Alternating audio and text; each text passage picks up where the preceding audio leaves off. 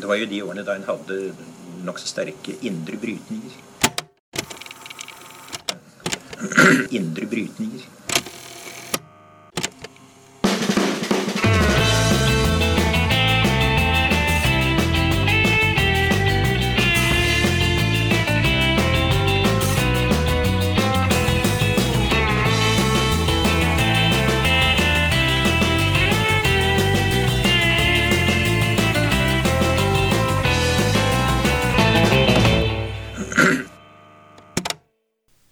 Hei og velkommen til Noen har snakket sammen. Mitt navn er Tiril Rustan Halvorsen. Og jeg heter Aksel Fjelldavli. Boligpolitikk har etter hvert eh, blitt en gjenganger i denne podkasten, men det er jo heller ikke så rart i og med at uh, boligpolitikken i landet fortsetter å bli et uh, stort uløst uh, problem. og vi får jo ofte eksempler på det, og sist nå var det en familie på Tøyen som ble kastet ut av sin kommunale leilighet i Oslo. Uh, der hadde familien uh, bodd i, i, ti år, en familie på syv mennesker. Og årsaken var at familiefaren uh, Mohammed Hassan Yama hadde tjent 15 000 kroner over det som i dag er inntektsgrensen for da å kvalifisere til en sånn kommunal bolig. og denne saken har skapt stor oppmerksomhet, og det har blitt samlet inn over en million kroner til denne familien. Mm. Og saken er jo også den er jo litt sånn todelt. da, for På den ene sida viser den i hermetegn systemet fungerer som det skal. I, i den forstand at uh, hvis man ikke lenger uh, faller innafor de kriteriene for en kommunalbolig, f.eks. hvis man tjener for godt, så kan man miste retten til å bo der. Men samtidig så setter den jo fingeren på noe som gjør litt vondt da, uh, i, i, den norske boligmodellen. Og det er det vi skal grave litt nærmere i i dag. Eh, og til å hjelpe oss med det, så har vi med oss Hanna Gitmark. Velkommen hit. Tusen takk. Du har skrevet boka 'Det norske hjem', og er også fagsjef i tankesmien Agenda. Og I tillegg så har vi med oss eh, Stian Antonsen, som sitter i bydelsutvalget i Gamle Oslo for SV, og er leder av boligpolitisk gruppe i Oslo SV. Velkommen hit, du også. Tusen takk. Jeg tenkte å begynne med å spørre deg, eh, Stian. Denne saken eh, som vi starta med å introdusere med, er jo på en måte interessant i seg sjøl, men den viser jo kanskje også noe om systemet eh, i den norske eh, boligpolitikken. Hvilke problemer tenker du det den illustrerer? Jeg tror jo at uh, alle de som har sett bildene, har blitt veldig uh, opprørt av denne saken. Og for alle oss som eh, som bor i denne bydelen, da, og som òg kjenner, kjenner, denne familien, så er det jo eh, ekstra opprørende. Fordi på mange måter så er det jo eh, Denne familien og veldig mange andre har gjort akkurat det som, eh, som det norske samfunnet sier at eh, innvandrere skal gjøre. ikke sant? De har Eh, de har jobba, de har integrert seg. Eh, denne familiefaren var jo fotballtrener eh, på, på Tøyen sportsklubb. Um, et, et, problem som Idrettsforbundet har tatt opp, ikke sant? at veldig få med innvandrerbakgrunn er, er, integrert på denne måten. Så man gjør akkurat det man får beskjed om å gjøre. Eh, og, eh, og, og, så er på en måte svaret da at du blir, du blir kasta ut. Eh, og så hadde jo ikke løsningen her vært at, eh, eh, at noen familier skal bo i kommunale boliger for alltid. Men eh, når du da kommer deg på beina skape et godt liv eh, for deg og din familie, eh, så er det ingen annen vei inn. Det er det som er problemet, det som denne saken illustrerer. at um, Hvis du da, som i dette tilfellet, hvis du liksom bikker en inntektsgrense i 2019, uh, har bodd der litt lenge, uh, så finnes det ingen andre, ingen andre veier inn, ingen andre dører inn i et boligmarked. Uh, for mange er det helt uoppnåelig å kjøpe. det er òg fryktelig vanskelig å leie på det private, private leiemarkedet. Eh, spesielt hvis du kanskje har en stor familie. Um, så da Altså det, det systemet vi har rigga oss, det passer ikke den eh, virkeligheten vi har lenger. Sant? Kartet passer ikke overens med, med terrenget. Eh, så Derfor har jeg vært veldig opptatt av at vi må gjøre noe med systemet og skape nye veier inn. da. Mm. Eh, i den norske, den norske, boligmodellen så er det jo veldig mye som er organisert gjennom markedet. Men offentlig sektor har også eh, et ansvar for såkalt boligsosiale eh, tiltak. Eh, hvilken type ting er det dere gjør i gamle Oslo? Altså, Vi har jo dessverre litt sånn få, uh, få virkemidler. Vi har ansvar for det boligsosiale arbeidet. Um, og så har det jo uh, Det har skjedd noen positive ting de siste årene. Det har blitt uh, ruste opp en del av de kommunale bygårdene. ikke sant? Uh, Tøyen har noen sånne store blokker, uh, og der har beboerne òg vært med, og man har fått bedre bokvalitet. Um, og Hvis du ser på, på, på, Oslo som helhet, så har det jo blitt kjøpt inn veldig mange flere kommunale boliger, og andre steder i byen. Eh, men det som jeg ser, er at vi har veldig få virkemidler. Eh, bydelen vår har jo vedtatt at vi ønsker å bli en sånn eh, boligsosial pilot. Vi har en del sånn kunnskapsgrunnlag på det.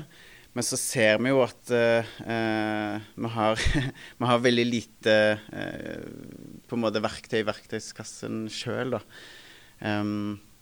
så, og det illustrerer jo denne saken. Jeg var jo med å vedta at vi burde ha en utkastelsesstopp under pandemien. Men eh, det eh, kan vi på en måte basically ikke vedta da, fordi at eh, dette er jo noe som da må gjelde alle de som bor i kommunale boliger eh, da, i Oslo. ikke sant? Eh, det må ha vært likebehandlingsprinsipp. Eh, sånn at mange av virkemidlene ligger både i kommunen, men òg selvfølgelig da i, i, staten. ikke sant? Husbanken setter jo veldig mange begrensninger for, for startlån, f.eks. Mm. Denne familien er jo ikke alene. Hva, hva, er det som kjennetegner eh, de som på en måte faller litt imellom? Fordi når vi ser jo at det på en måte kommersielle boligmarkedet på en måte bare løper ifra, og prisene stiger og stiger. må du tro at det blir flere og flere i den mellomsjiktet mellom de som kvalifiserer til en kommunal bolig, og de som får kjøpt eh, egen. Kan du si noe om hvem disse er, og hva som kjennetegner disse menneskene? Mm. Ja, det er jo sånn i dag altså, at det er ca. 180 000 mennesker i Norge som defineres som vanskeligstilte på boligmarkedet. Og så er det jo veldig mange som ikke defineres som vanskeligstilte, men som heller ikke kommer seg inn på boligmarkedet. Som er de vi, som, som har vært mest oppe i debatten i det siste. ikke sant? Sykepleiere med helt vanlig inntekt og den typen. Mm. Vanlige folk med vanlig inntekt. Ja, Som ikke defineres som vanskeligstilte. Som ikke defineres som vanskeligstilte. Men blant disse 180 000 vanskeligstilte, da, som da eh, norske myndigheter har forplikta seg til å hjelpe, så klarer vi jo heller ikke å hjelpe alle. Og det viser jo veldig mange rapporter at, at i dag så holder det jo på en måte ikke å være vanskeligstilt. Du må på en måte ha det verst da, av mm. de som er vanskeligstilte. Og det er det som er så grusomt med denne saken her, fordi jeg tror alle så den og syntes den var helt forferdelig. Eh, problemet er jo at når denne familien kastes ut, så betyr jo også det at det står noen bak i kø som gitt de definisjon, definisjonene vi har i dag, har da et enda større behov. Ikke sant?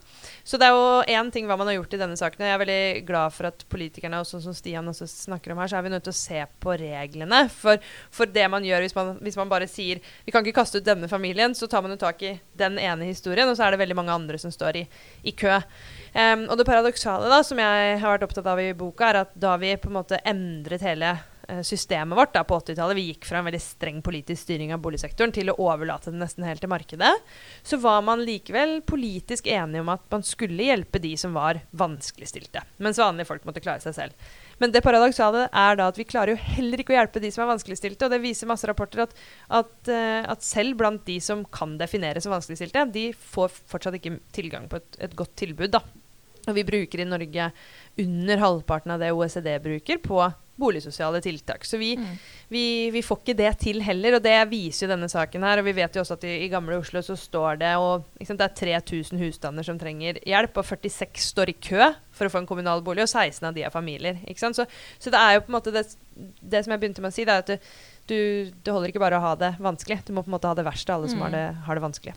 Ja, for måte, Da blir det to uh, grupper man på en måte må hjelpe mm. litt uh, til å komme inn på boligmarkedet.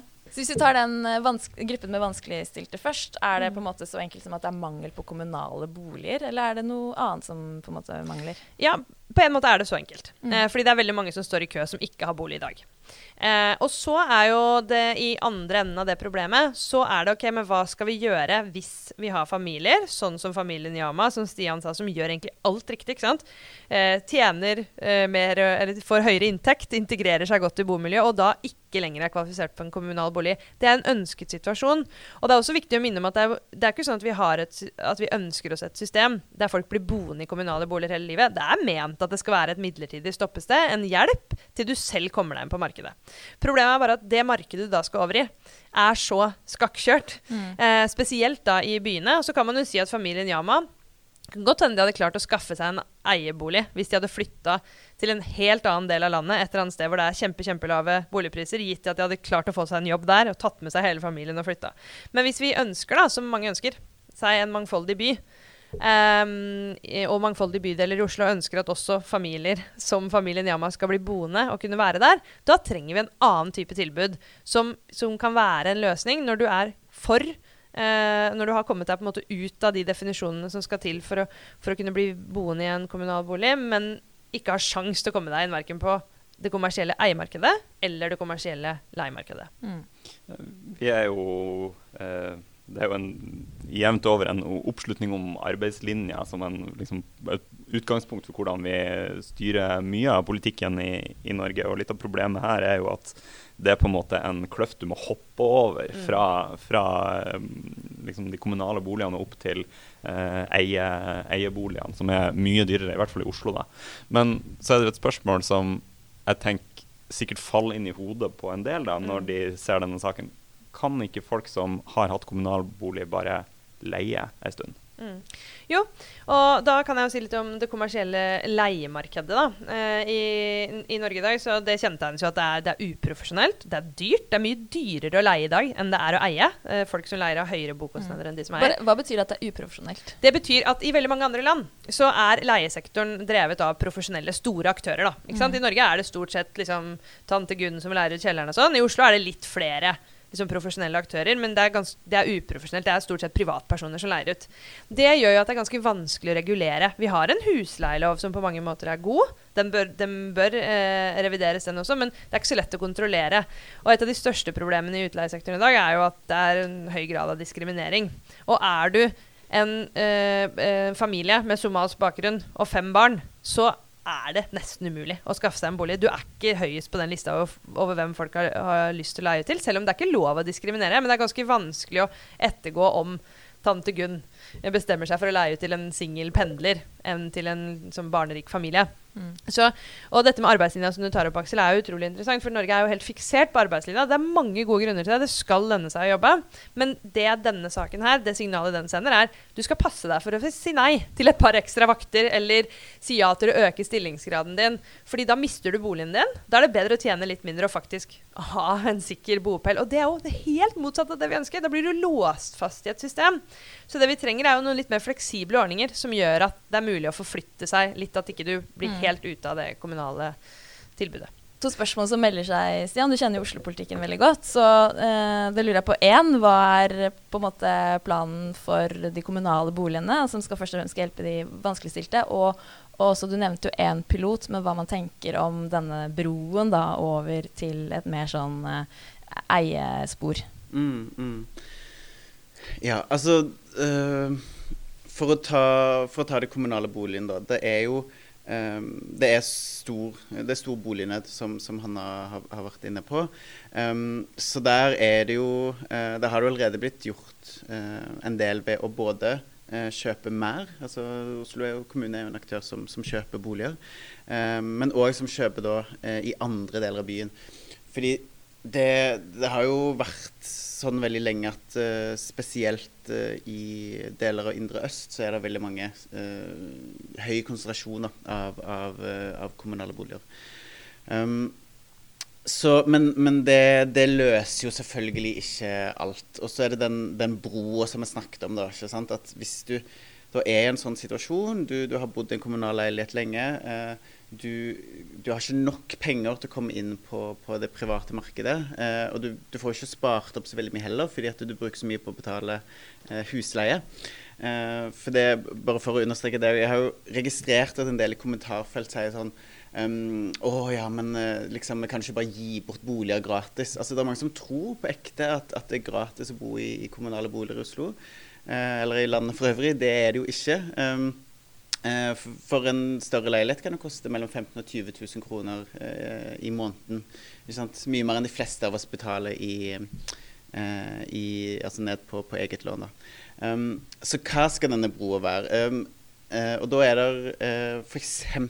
prosjekter som leie til leie, som hadde vært um, helt perfekt, tror jeg, for både familien Jama og veldig mange andre som har en viss inntekt, som kan, uh, kan betale. Um, og der du da over tid uh, betaler ned på, på din egen, egen leilighet. Um, der er det jo nå bl.a. planlagt en pilot på Hagegata 30, som er midt på Tøyen torg. og det tror jeg og gjerne da i kombinasjon eh, eller sammen med lokale, eh, eh, lokale beboerforeninger og sånn. Det er veldig mange som er veldig opptatt av boligpolitikk, og som har lyst til å på en måte eh, bidra i utformingen av hvordan disse prosjektene skal se ut. da. Um, så noen sånne piloter er på vei. Det tror jeg kan gi et godt kunnskapsgrunnlag. Jeg tror det kan være veldig, eh, veldig, veldig nyttig. Um, men så vil det jo hjelpe et ganske begrenset antall folk. ikke sant? Så hvis vi skal få litt sånn volum, hvis det skal bli en ordentlig tredje boligsektor, som vi gjerne snakker om, så, så trenger vi mer enn det. Uh, så det som står i byrådserklæringen, er at det skal bygges uh, 1000 ikke-kommersielle uh, boliger i Oslo. Um, det vil jo monne. ikke sant? Det bygges jo rundt 2000 boliger i Oslo i, i året.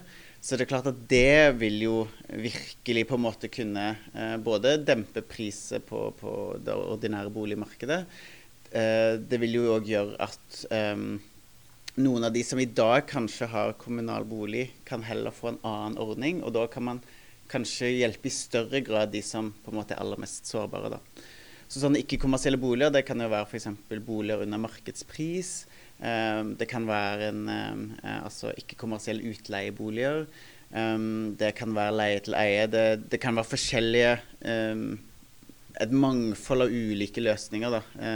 noen har pekt på denne uh, danske modellen, der du på en måte bidrar med litt vedlikehold og får liksom billigere, billigere leie. da. Um, så, så, jeg tror både disse pilotene som er på vei, men òg disse, uh, uh, disse tusen ikke-kommersielle boligene vil på en måte uh, Og nå er jeg veldig sånn utålmodig fordi dette har tatt veldig lang tid, men hvis, hvis, vi nå endelig kommer i gang med det, så vil jeg virkelig kunne gjøre en forskjell. Ja, hva, hva, er forskjellen på disse tusen ikke-kommersielle boligene du snakker om, og bare det å bygge flere kommunale boliger? Det er jo også en form for ikke-kommersiell bolig jeg tror det, det, som vi ser nå, og som Jarma-saken viser, er jo at vi trenger, vi trenger, flere dører inn. ikke sant? Noen, De aller mest sårbare trenger jo kommunal bolig. ikke sant? Har du store rusutfordringer, har du eh, store ikke sant, eh, psykologiske problemer, uh, har du uh, Ja, er du ikke i sjanse til å kvalifisere på arbeidsmarkedet, så er kanskje kommunal bolig bra. Men for veldig mange uh, så er det jo sånn at det du kanskje bare mangler, er jo penger. ikke sant? Uh, du trenger ikke botrening, du trenger ikke et stort apparat rundt deg som på en måte kommunen tilbyr. Det du, det du mangler, er rett og slett nok penger. Uh, og hvis du kan tilby andre typer ordninger, så passer det bedre virkeligheten til folk. Og så kan du på en måte reservere mer kommunale boliger for de som virkelig har behov for det. Mm. Eh, Hanna, I boka di så viser du at man gang på gang har prøvd å bygge liksom billigere boliger til de som mangler penger, men så ender mm. man jo bare opp med at de også eh, stiger i takt med det eksisterende mm. boligmarkedet. Eh, du, så du peker på noen problemer da, med denne tredje boligsektoren. på en måte. Hva, hva, er de, og har du noen andre løsninger? Han sier 1000 boliger kan monne på, på problemet og kanskje bidra til et prispress ellers. Mm. Gjør det det, eller? Ja, her er det jo det er mange ting på en gang. Jeg tror eh, Problemene som jeg viser til i boka Noen ganger så blir jo det vi gjorde i etterkrigstiden, litt for glorifisert, syns jeg. For da, da, hadde vi en streng og sterk politisk styring av sektoren som var veldig bra. Man fikk til en eh, enorm boligbygging. 40 000 boliger i året, som var så helt vanvittig. Eh, og de var jo sterkt subsidiert gjennom eh, lån fra Husbanken. Eh, og de var også prisregulert. ikke sant? De kunne ikke stige i pris. Problemet etter hvert var jo at dette gjaldt jo bare det, de delene av markedet som ble bygd opp etter krigen med statlig støtte. Så man hadde en utvikling i pris i ett sted i markedet som ikke lignet på det andre. Og etter hvert så ble det veldig vanskelig. Og folk var irriterte. Bodde i boliger som opplevde at denne boligen stiger ikke i verdi, mens naboens gjør det. ikke sant? Det satt hele systemet under press. Eh, hvis man lager en helt lik modell i dag, så er jo det et problem som kan skje igjen. Det er veldig fint for noen som ikke har bolig, å komme seg inn. Eh, de vil kanskje si ja, men jeg bryr meg ikke om denne boligen ikke stiger i verdi, for det har i hvert fall kommet meg inn på boligmarkedet. Men hvis du skal over i en annen del av boligmarkedet som fortsetter å stige, eh, så vil det jo på en måte bli litt låst inne eh, hvis man ikke gjør noe for å dempe prisene i det eh, ordinære markedet. Det er det jeg er bekymra for. Men en del av disse løsningene hvis man, hvis man passer på at man samtidig inn, ikke? Jeg har vært opptatt av skatt og bygge nok bolig. Hvis man samtidig gjør det for å presse prisene ned i den kommersielle delen av markedet, så tror jeg at sånne løsninger kan være gode. Og det er jo litt forskjell på dem. fordi å bygge en på en måte prisregulert eiesektor, da. Altså en, at du får eie en bolig, men staten bestemmer hvor mye prisen skal stige. Det har jeg kanskje ikke helt troen på. Men å lage en, en eh, ikke-kommersiell utleiesektor eller sånne leie-til-eie-ordninger Det fins masse kommuner som har prøvd ut eie først i Ringerike kommune, f.eks. Der har man identifisert noen barnefamilier som, som Stian sier, har potensial for å kunne komme seg inn på boligmarkedet. Og så mekker man sammen et på en måte batteri av støtteordninger. da, Sånn at man skal kunne eie boligen fra første stund. Og går ikke det, klarer man ikke å måtte betjene lån og avdrag og sånn. Eh, jeg tror det er tre til fem år man vurderer det. Så tar kommunen tilbake eierskapet på boligen. Det fins mange måter man kan gjøre det på.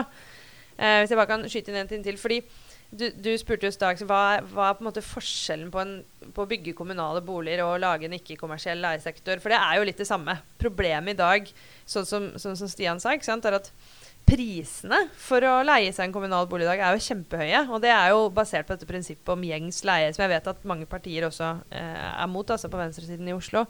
Men det betyr at de skal leie inn fastsettet ut fra et snitt på leien i området.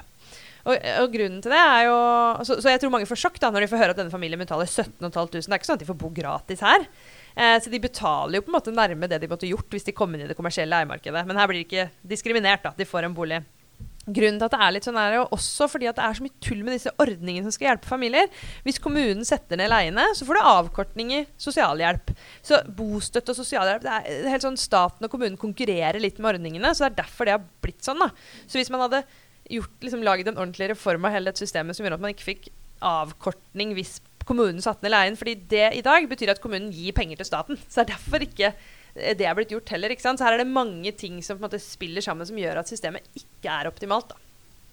Jeg er litt på jakt etter liksom eh, hvis man ser på ulike sånne behovsprøvde ordninger Jeg leste bl.a. En, en eh, rapport om uh, skolemat i uh, Storbritannia, som er sånn mm. kriteriebasert. ikke sant? Det er liksom sånn uh, du, du, må falle innenfor visse, visse, kategorier, og så får du dekt skolematen. da. og det er typisk fattige familier. da. og den lista opp noen problemer med det, som jeg tenker gjelder litt generelt da, for behovsprøvde ordninger. Både at du skaper sånne fattigdomsfeller som vi snakker om. Det er ikke insentiver til å liksom, jobbe seg ut av det. Man er redd for å miste gode. Eh, det er kostnader knyttet til administrasjon. Eh, det er vanskeligere å få bred oppslutning, for det er bare noen som får det, ikke alle. Eh, det er stigma knytta til det å være i en sånn kategori som blir sett på som ikke attraktiv, osv. Uh, og, og ordninga som dere snakker om nå, er jo også i stor grad kriteriebasert. Mm. Uh, er det ingen måte å løse dette på med liksom en universell velferdsordning? Det hadde jeg hatt lyst på.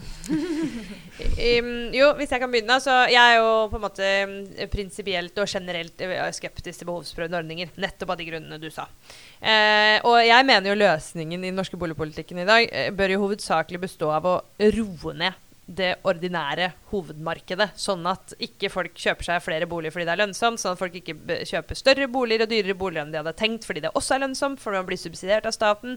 Sånn at det blir på en måte en mindre attraktiv investering å, å putte pengene sine i boligmarkedet. Og så må det selvfølgelig skje i kombinasjon med på en måte økt boligbygging der hvor det er press, også i Oslo. Jeg syns ikke 2000 boliger i året er, er, nok. Og det mener jeg også venstresiden kanskje har vært litt for dårlig på å anerkjenne. Så er det masse grunner til det. Det er ikke bare at det er kommunens skyld heller. Det er mange grunner utleierne må også ta sin del av ansvaret. Så man må gjøre noe med det. Men, men det betyr ikke at, at, fordelingen av boligen nødvendigvis At du bygger mer, at fordelingen av boligen nødvendigvis blir optimal. Så man må på en måte ha noen mekanismer som sørger for at det som bygges, også fordeles annerledes.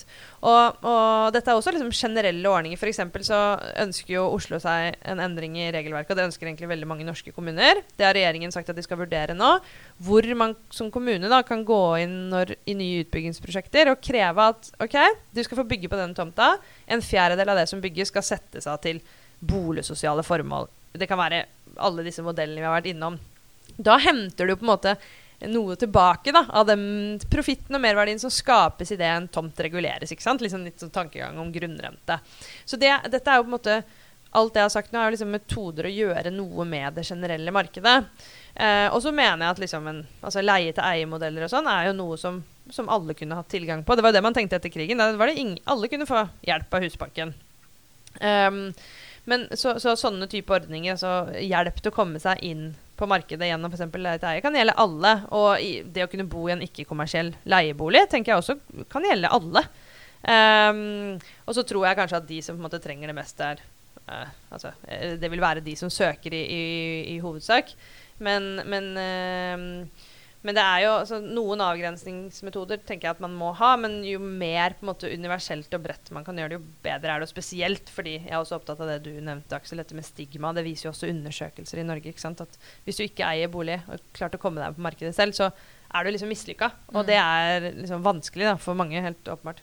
Ja, for Man glemmer jo fort i denne diskusjonen hvert fall om de på en måte som trenger kommunalbolig, at problemene å komme seg inn på kjøpemarkedet, særlig i Oslo, da, men også i mange større byer, jo er som du, du snakket om liksom, sykepleiere og nyutdannede og unge mennesker i etableringsfasen. sånn at eh, det stigmaet på en måte treffer veldig skeivt òg. Det er ja. jo helt vanlige folk som ikke klarer det lenger, mm. fordi det rett og slett har blitt så, så ekstremt. Um, nei, jeg, jeg, jeg, tror ikke at vi har helt skjønt um, hvor hvor mange politikkområder politikk, eh, boligpolitikken liksom griper inn i. Jeg har, jeg har venninner som på en måte har sagt litt på tull, men som, som sier sånn åh, oh, ja, nei, jeg må vel nesten finne meg en rik mann, for jeg klarer jo ikke liksom, og jeg kommer ikke inn på boligmarkedet sjøl. Og det, det, er litt sånn, det er litt tull og litt sånn alvor, fordi jeg tror at, at på en måte man ser at ja, man har kanskje en helt vanlig inntekt som en barnevernspedagog eller en lærer eller en sykepleier, og så hvis du ikke har på en måte rike foreldre eller, eh, eller på en måte en partner med mye penger, så kommer rett og slett ikke inn. Um, eller uh, eksempelet med på en måte arbeidslinje som vi snakker om. ikke sant, at du er redd for at du, du bryter ned solidariteten når du hele tida får høre at uh, ja, men du må ikke kjempe egentlig for å beholde denne boligen, fordi at du, du er ikke verdig nok. Det er andre som trenger det mer enn deg. Og du må helst, eh, du må helst ikke liksom gjøre det for bra, fordi at da blir du straffa. Så det er um, eller ta på en måte skole. Ikke sant? Det er veldig mange, veldig mange barn som må flytte veldig mye pga. disse korte kontraktene. Ikke sant? Og som da sannsynligvis gjør det dårligere på skolen fordi mobilitet. Ikke sant? Så uansett hvilke politikkområde du peker på, da, så kommer du liksom tilbake til boligpolitikken. I hvert fall i Oslo. Um, så Ja, og så er jo Hvis jeg bare kan si liksom litt om skaffen Vi har jo snakka mye om Oslo, men jeg tror òg at um, jeg, jeg, tror jo at vi trenger uh, en ny regjering hvis vi virkelig skal få gjort noe med, med, uh, med boligpolitikken. jeg tror ikke det er nok, men jeg tror at Uh, vi må få endringer i plan- og bygningsloven som gjør at vi kan stille disse kravene som han har snakket om. Uh, og vi trenger den uh, beskatningen av sekundærboliger da, for å både for å få mer penger inn i felleskassen for å bruke på boligpolitikk, men òg for å dempe prispresset på, på bolig som investeringsobjekt. Og så nevnte du også i, i starten Husbanken og ordninga for startlån og sånne ting hvor stor betydning har det i denne sammenhengen, Tenkte tenker du? Altså, åpenbart er det noen grupper som burde fått ordninga gjennom Husbanken, som ikke får det i dag. Ja, altså den, den, treffer, jo, altså den treffer jo ikke lenger ikke sant? fordi at eh, prisene er så høye. Eh, det er så mange som har behov. Um, og igjen så blir jo kriterieordningene uh, spiller rett og slett ikke på lag. Ikke sant? I, i tilfellet Mohammed Jama så var det jo sånn at uh, uh, fordi at han er, han er, på arbeidsavklaringspenger, som ikke regnes som inntekt for å søke startlån, men som regnes som inntekt, og dermed for høy inntekt for den kommunale boligen. ikke sant? Um, så, så, det her er jo um, Vi har et, et, et, utdatert regelverk, rett og slett. Um, ja. Ja, og jeg tenker eh, eh, Kommunene må selvfølgelig på en måte følge opp det ansvaret de har. Men jeg mener, for i dag så er det norske kommuner som på en måte har fått ansvaret for å, for å passe på det kommunale boligsosiale tilbudet. Jeg mener nok at det ansvaret er blitt litt for tungt. da. Fordi sånn som, vi, sånn som Stian sa, dette er ikke bare et Oslo-problem. Alle undersøkelser, Riksrevisjonen gjorde en sånn veldig stor gjennomgang av det kommunale boligsosiale tilbudet for noen år siden. Det viser at det er mangelfullt, dårlig Det er jo ikke noen fine boliger man får tilgang på. De er eh, dårlige og mangelfulle og samles ofte sammen. Barnefamilier med eh, psykiatri og rus på samme sted. ikke sant? For kommunene skal jo ut sånn som Stian sa, ut og kjøpe boliger da i et marked. Og du kan jo velge å kjøpe én bolig i en blokk på Smestad, liksom. Og så kan du kanskje få tre boliger for den samme prisen der hvor du allerede har et litt sånn utfordrende miljø. Og regjeringen i sin nye boligsosiale strategi de vil jo på en måte befeste dette ansvaret enda mer og lovfeste ansvaret, sånn at fylkesmennene, eller hva heter det nå, statsforvalterne, skal kunne gå og drive kontroll med at kommunene overholder ansvaret sitt. Og jeg kan forstå tanken. Problemet er bare at det, Eh, spesielt, da. Det er spesielt i byer som Oslo. Sånn, selv, om, selv, om, vi ser at ventetiden er lang og boligene er dårlige over hele Norge, så er det jo veldig dyrt. Sånn, utfordringene vokser, og prisene vokser i markedet. Mm. Så det må følge penger med. Og da tenker jeg vi skal tenke litt nytt om Husbanken.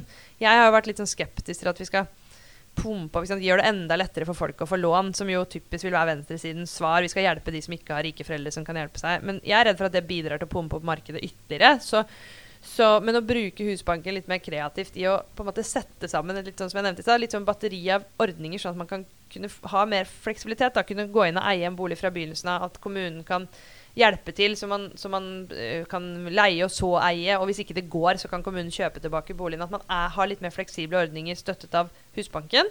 Men ingenting av dette funker hvis vi ikke samtidig liksom, gjør noe med skatt, med boligbyggingen, som sørger for å roe ned det det, det, kommersielle markedet. For det er jo inn der kommunen må inn og kjøpe boliger. Og, eller bygge i tillegg, selvfølgelig, men, men, tomteprisene drives jo også opp av det generelle liksom, eh, høye profitten i det å bygge boliger. I hvert fall store deler av landet. Mm. Eh, Stian, du, du, sier du er utålmodig, og nå snakker jo ikke du for uh, byrådet, men de har sittet i, i, seks år snart. Hva er din analyse av måte, hvor det butter, hvorfor det ikke mer har skjedd? da? Det er liksom bare noen få piloter.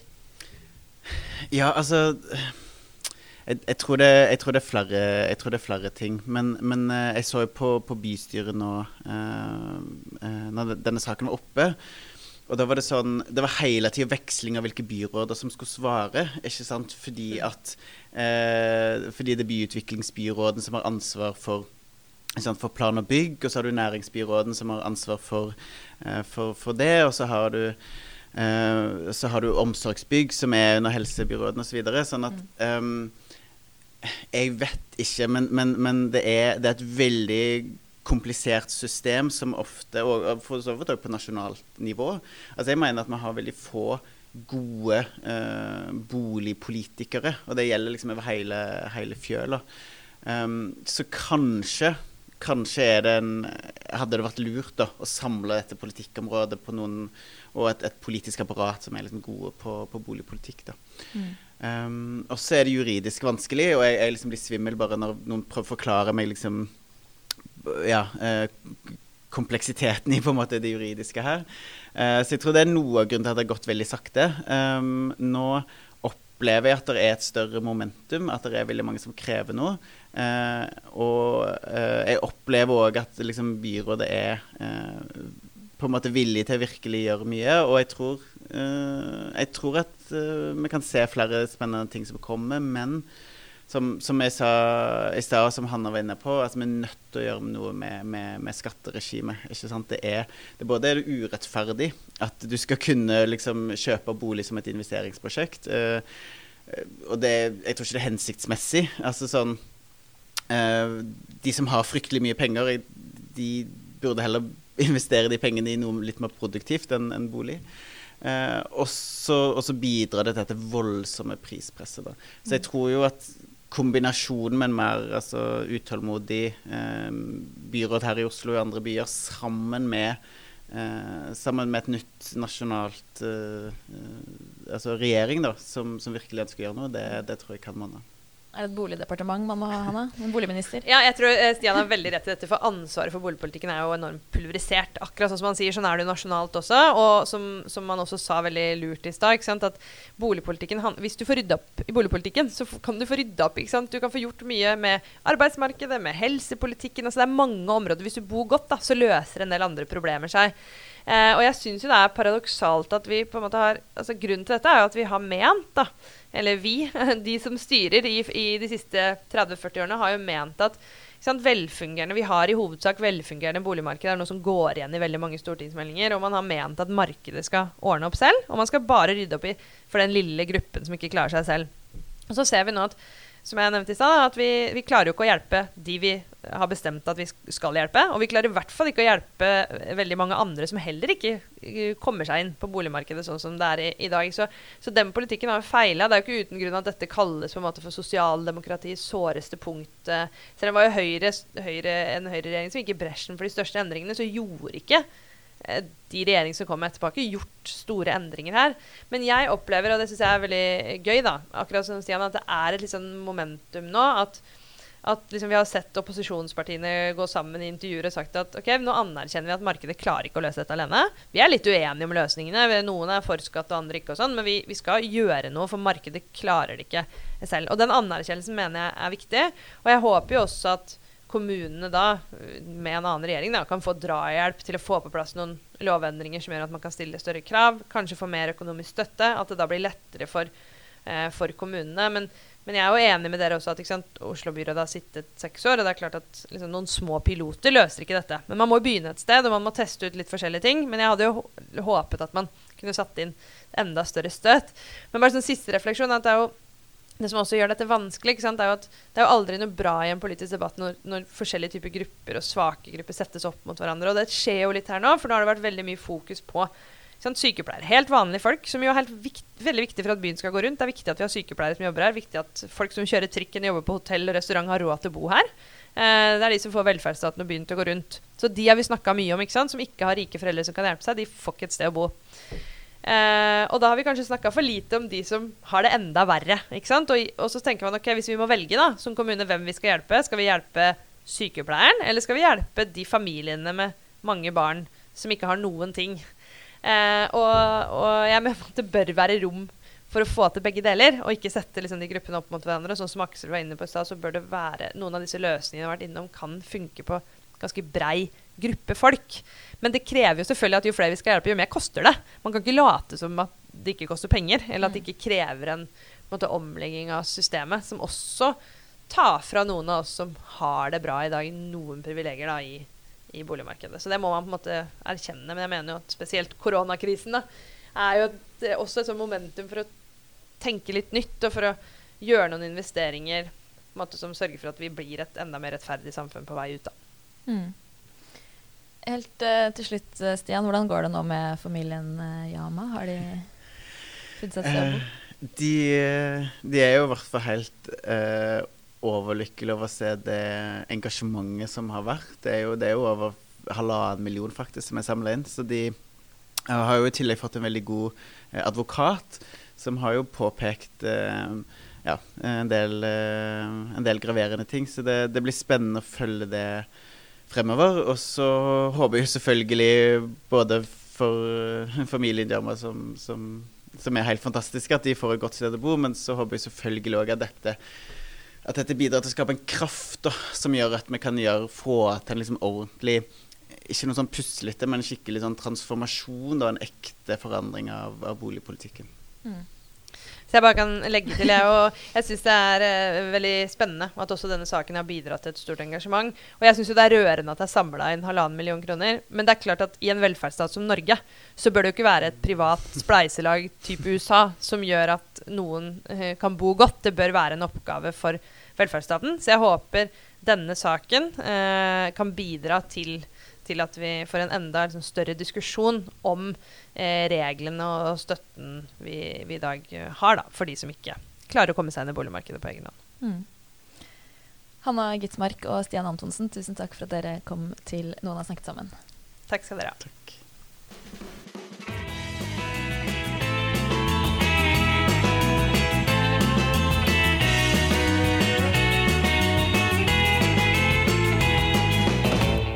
Ja, nok en uh, boligepisode. Jeg tror ikke vi er ferdig med denne, Aksel. Det høres ikke så enkelt ut, men samtidig også en del lavthengende frukter. Og, ja, ikke sant. Ikke sant. uh, men vi avslutter jo med noen anbefalinger. Det gjør vi, som vanlig. Mm. jeg har lest en bok siden sist som heter Shuggy Bane. Skrevet av en som heter Douglas, Douglas Stewart, som jeg tenkte var passende å anbefale i denne sammenhengen her. Det er liksom sånn Tenk typ sånn, Hvordan uttales det? Eddie Belgull? Den her eh, franske boka om han eh, gutten som vokser opp i en sånn eh, industriområde i Frankrike. Denne boka er litt på en måte samme bakgrunn, bare at det er eh, liksom nedlagte gruveområder i liksom Thatchers eh, Storbritannia på 80-tallet. Mm. Eh, veldig god bok og illustrerer hvordan det er hardt å eh, vokse opp når eh, hele verden jobber mot deg, egentlig. Så for alle som liker Billy Elliot. Ja, ja egentlig. Det, det er også en god parallell. Ja. Mm. Eh, bra med lesetips. Um, jeg tenkte jeg skulle anbefale et eh, møte som arrangeres av vår, eh, våre venner i Manifest eh, Tankesmie. eh, med en annen venn av oss, Mariana Masukato, professor i økonomi, som eh, skal snakke på dette arrangementet 'Slik blir Norge den grønne kjempen'. Det er jo interessant å høre eh, sånne storheter som, som jobber med EU bl.a. snakke om, om Norge konkret. Mm. Um, og I tillegg så kommer hennes nye bok da på Respublika på norsk eh, om ikke så lenge. Mm. Så Masukato er en, eh, en stemme det er verdt å få med seg, og den møter jeg altså 9. mars. Ja. Eh, ja, da takker eh, vi for uh, nå. Det er vi. Ha det godt. Vet du hva som skjer når du må jobbe mer enn du sover? Nå sliter jeg, nå sliter jeg, nå sliter jeg. Jeg klarer snart ikke å holde øya oppe. Eller hvordan det føles å ikke ha noe å gå til? Jeg skulle veldig gjerne ønske jeg kunne jobbe i stedet. I Røsla så får du historier fra grasrota i arbeidslivet. Altså det, det er vel en del folk som kanskje føler at det er eh, mindre verdt å være renholder. Du finner Røsla der du hører på podkaster.